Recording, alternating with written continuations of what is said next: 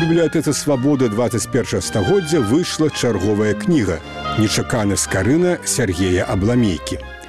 Кніга складаецца з культуралагічнага эсэ ў 25 частках і аўтарскіх інтэрв'ю з беларускімі і замежнымі навукоўцамі пра новыя знаходкі ў скараназнаўстве. Прэзентацыя кнігі адбудзецца 29 траўня 1830 у літаратурным музеі Масіма Богдановича, вуліца Масіма Богдановича 7А у Менску. Уваход вольны. Таксама кнігу можна замовіць праз наш сайт на адрасе свабода кропка орг. А зараз фрагменты кнігі. Чытае Сергей Абламейка.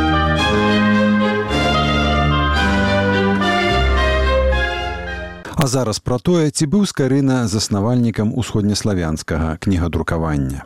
Пра гэта навукоўцы спрачаюцца да сёння. Два полюсы тут прадстаўляюць беларус Георгій Галенчынка і расеец Яўген Неміроўскі. Першы лічыць, што скарына быў заснавальнікам усходнеславянскага кнігадрукавання, а другі аддае першынство немцу швайпальту фіёлю. Кнігадрукавання ў Еўропе наагул вынайшаў ураджэнец нямецкага гораду Майнц Йоган Гутенберг. Гэта адбыло адбылося ў 1440 годзе, калі Гутенберг працаваў на мануфактуры па вырабе люстраў. Як вядома, друкарскі шрыфт гэта люстраны адбітак друкаваных літараў. Гутенберг вырашыў не агалошваць сваё вынаходніцтва. Ён атрымаў на яго сакрэтны патэнт, знайшоў фінансавых партнераў і 13 гадоў распрацоўваў і ўдакладняў сваю тэхналогію. Кнігі ён пачаў друкаваць у 1453 годзе і да 1456 году паспеў выдаць лацінскую граматыку, некалькі папскіх дакументаў і дзве лацінскія бібліі. Скарына не быў пачынальнікам славянскага кнігадрукавання як такога. Славянскае кнігадрукаванне заклаў немец швайпальт фіёль у польскім горадзе кракаў. Першая кніга фіёля на царкоўнаславянскай мове выйшла ў 1491 годзе і называлася актоі. Да 1493 году фіёль выдаў яшчэ тры кніжкі. Гісторыкі дагэтуль спрачаюцца на прадмет таго, для каго менавіта прызначаў свае кнігі швайп пальтфіёль. Дакладнай інфармацыі на гэты конт няма.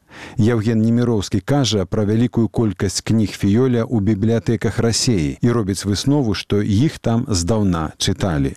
Але Георгій Галенчынка адказвае, што большасць гэтых кніг трапілі ў рассею пасля падзелаў рэчы паспалітай і ў выніку замежных паходаў расійскай арміі. Дакладна вядома, што працы швайпальта фіёля перашкаджала каталіцкая іерархія кракава. У 1494-95 годах дзве царкоўнаславянскія кніжкі выйшлі ў чарнагорскім горадзе цытыне. А ў 1508, 510 і 512 годах тры царкоўнаславянскія кніжкі выйшлі ў румынскім горадзе тыргавіште. Скарына такім чынам стаў чацвёртым выдаўцом славянскіх кніг, але першым сярод усходніх славян, які выдаваў друкаваныя тэксты на нацыянальнай мове. Таму для нас скарына безумоўна першы выдавец сярод усходніх славян і першы выдавец менавіта беларускіх тэкстаў. А ці лічаць яго такім расейцы і украінцы не так і важна. А зараз пра тое, ці быў скарына заснавальнікам усходнеславянскага кнігадрукавання. Пра гэта навукоўцы спрачаюцца да сёння. Два полюсы тут прадстаўляюць беларус Георгій Галенчынка і расеец Яўген Неміроўскі. Першы лічыць, што скарына быў заснавальнікам усходнеславянскага кнігадрукавання, а другі аддае першынство немцу швайпальту фіёлю. Кнігадрукавання ў Еўропе наагул вынайшаў ураджэнец нямецкага гораду Майнц Йоган Гутенберг. Гэта адбылося ў 1440 годзе, калі Гутенберг працаваў на мануфактуры па вырабе люстраў. Як вядома, друкарскі шрыфт гэта люстраны адбітак друкаваных літараў. Гутенберг вырашыў не агалошваць сваё вынаходніцтва. Ён атрымаў на яго сакрэтны патэнт, знайшоў фінансавых партнераў і 13 гадоў распрацоўваў і ўдакладняў сваю тэхналогію. Кнігі ён пачаў друкаваць у 1453 годзе і да 1456 году паспеў выдаць лацінскую граматыку, некалькі папскіх дакументаў і дзве лацінскія бібліі. Скарына не быў пачынальнікам славянскага кнігадрукавання як такога. Славянскае кнігадрукавання заклаў немец Швайпальд Фіёль у польскім горадзе Кракаў.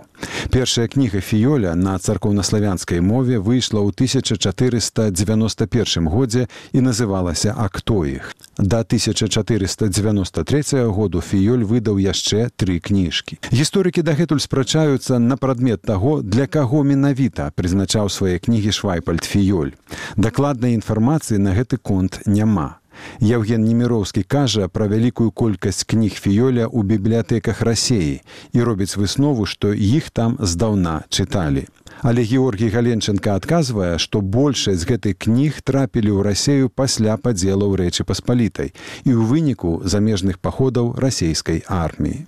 Дакладна вядома, што працы швайпальта фіёля перашкаджала каталіцкая іерархія кракава. У 1494-95 годах дзве царкоўнаславянскія кніжкі выйшлі ў чарнагорскім горадзе цытыне. А ў 1508, 510 і 512 годах тры царкоўнаславянскія кніжкі выйшлі ў румынскім горадзе тыргавіште. Скарына такім чынам стаў чацвёртым выдаўцом славянскіх кніг, але першым сярод усходніх славян, які выдаваў друкаваныя тэксты на нацыянальнай мове. Таму для нас скарына безумоўна першы выдавец сярод усходніх славян і першы выдавец менавіта беларускіх тэкстаў. А ці лічаць яго такім расейцы і украінцы не так і важна.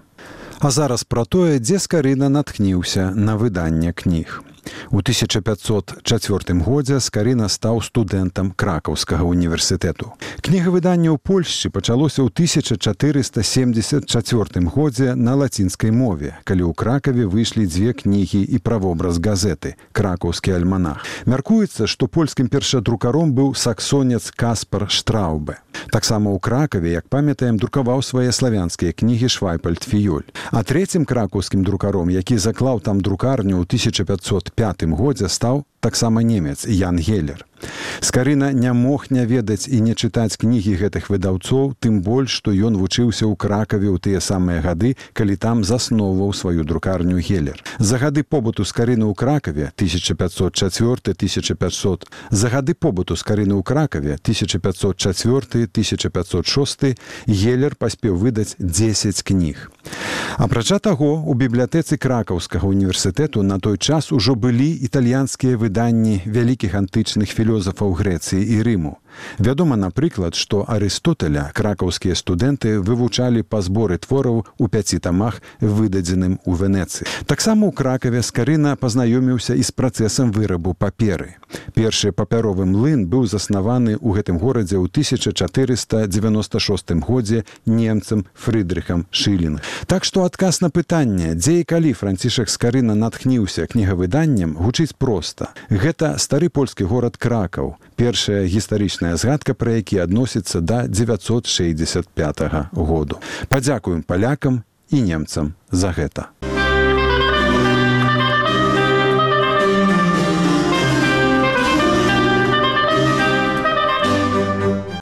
А зараз пра тое колькі універсітэтаў скончыў скарына.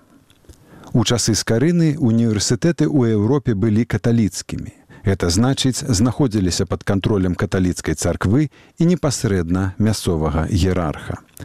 Факультэтаў, як правіла, было чатыры. Асноўныя тэалагічны, юрыдычны і медычны. Перш чым паступіць на іх трэба было скончыць факультэт свабодных мастацтваў або навук са ступенню бакаляўра. На гэтым факультэце спачатку вывучалі трывіум, граматыку, рыторыку і лёгіку, а пасля квадрыум, арытметыку, геаметрыю, астраномію і музыку.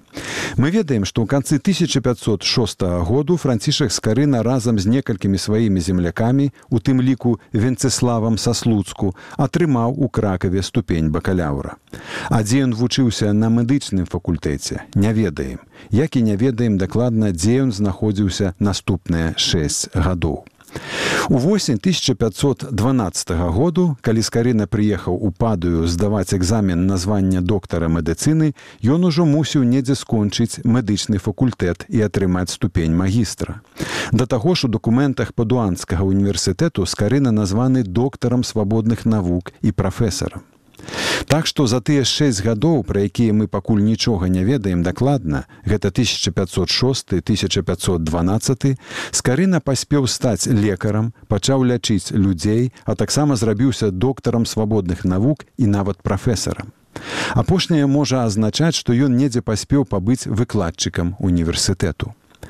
Улічваючы, што мовай выкладання ўсюды была лаціна, скарына мог скончыць адзін з універсітэтаў нямметчыны, мог вучыцца ў вене празе або і пра гэта загаварылі апошнім часам у капенгагене. Там якраз чвэрць стагоддзя перад магчымым прыездам туды з карыны а менавіта ў 1479 годзе дацкі кароль крыстыян першы заснаваў універсітэт. У адным з падуанскіх дакументаў нашага асветніка называюць сакретарыус регіздація Была гэта дакія румынія або данія пакуль дакладна невядома. Навукоўцы ўсё яшчэ спрачаюцца, але апошнім часам усё больш гісторыкаў схіляецца да думкі, што гэта была данія. Тады становіцца зразумелым, дзе скарына атрымаў ступень магістра медыцыны. У капенгагенскім універсітэце ад самага пачатку яго заснавання ў 1479 годзе працаваў медычны факультэт. Праблема ў тым, што ў дацкіх архівах пакуль не знойдзена дакументаў, якія б сведчылі пра знаходжанне ў капенгагене беларускага першадрукара. Так што колькі дакладна універсітэтаў скончыў скарына мы не ведаем. Наперадзе даследчыкаў чакаюць новыя адкрыцці. Пакуль дакладна можна сказаць, што гэтых універсітэтаў было не менш за два, а можа і болей.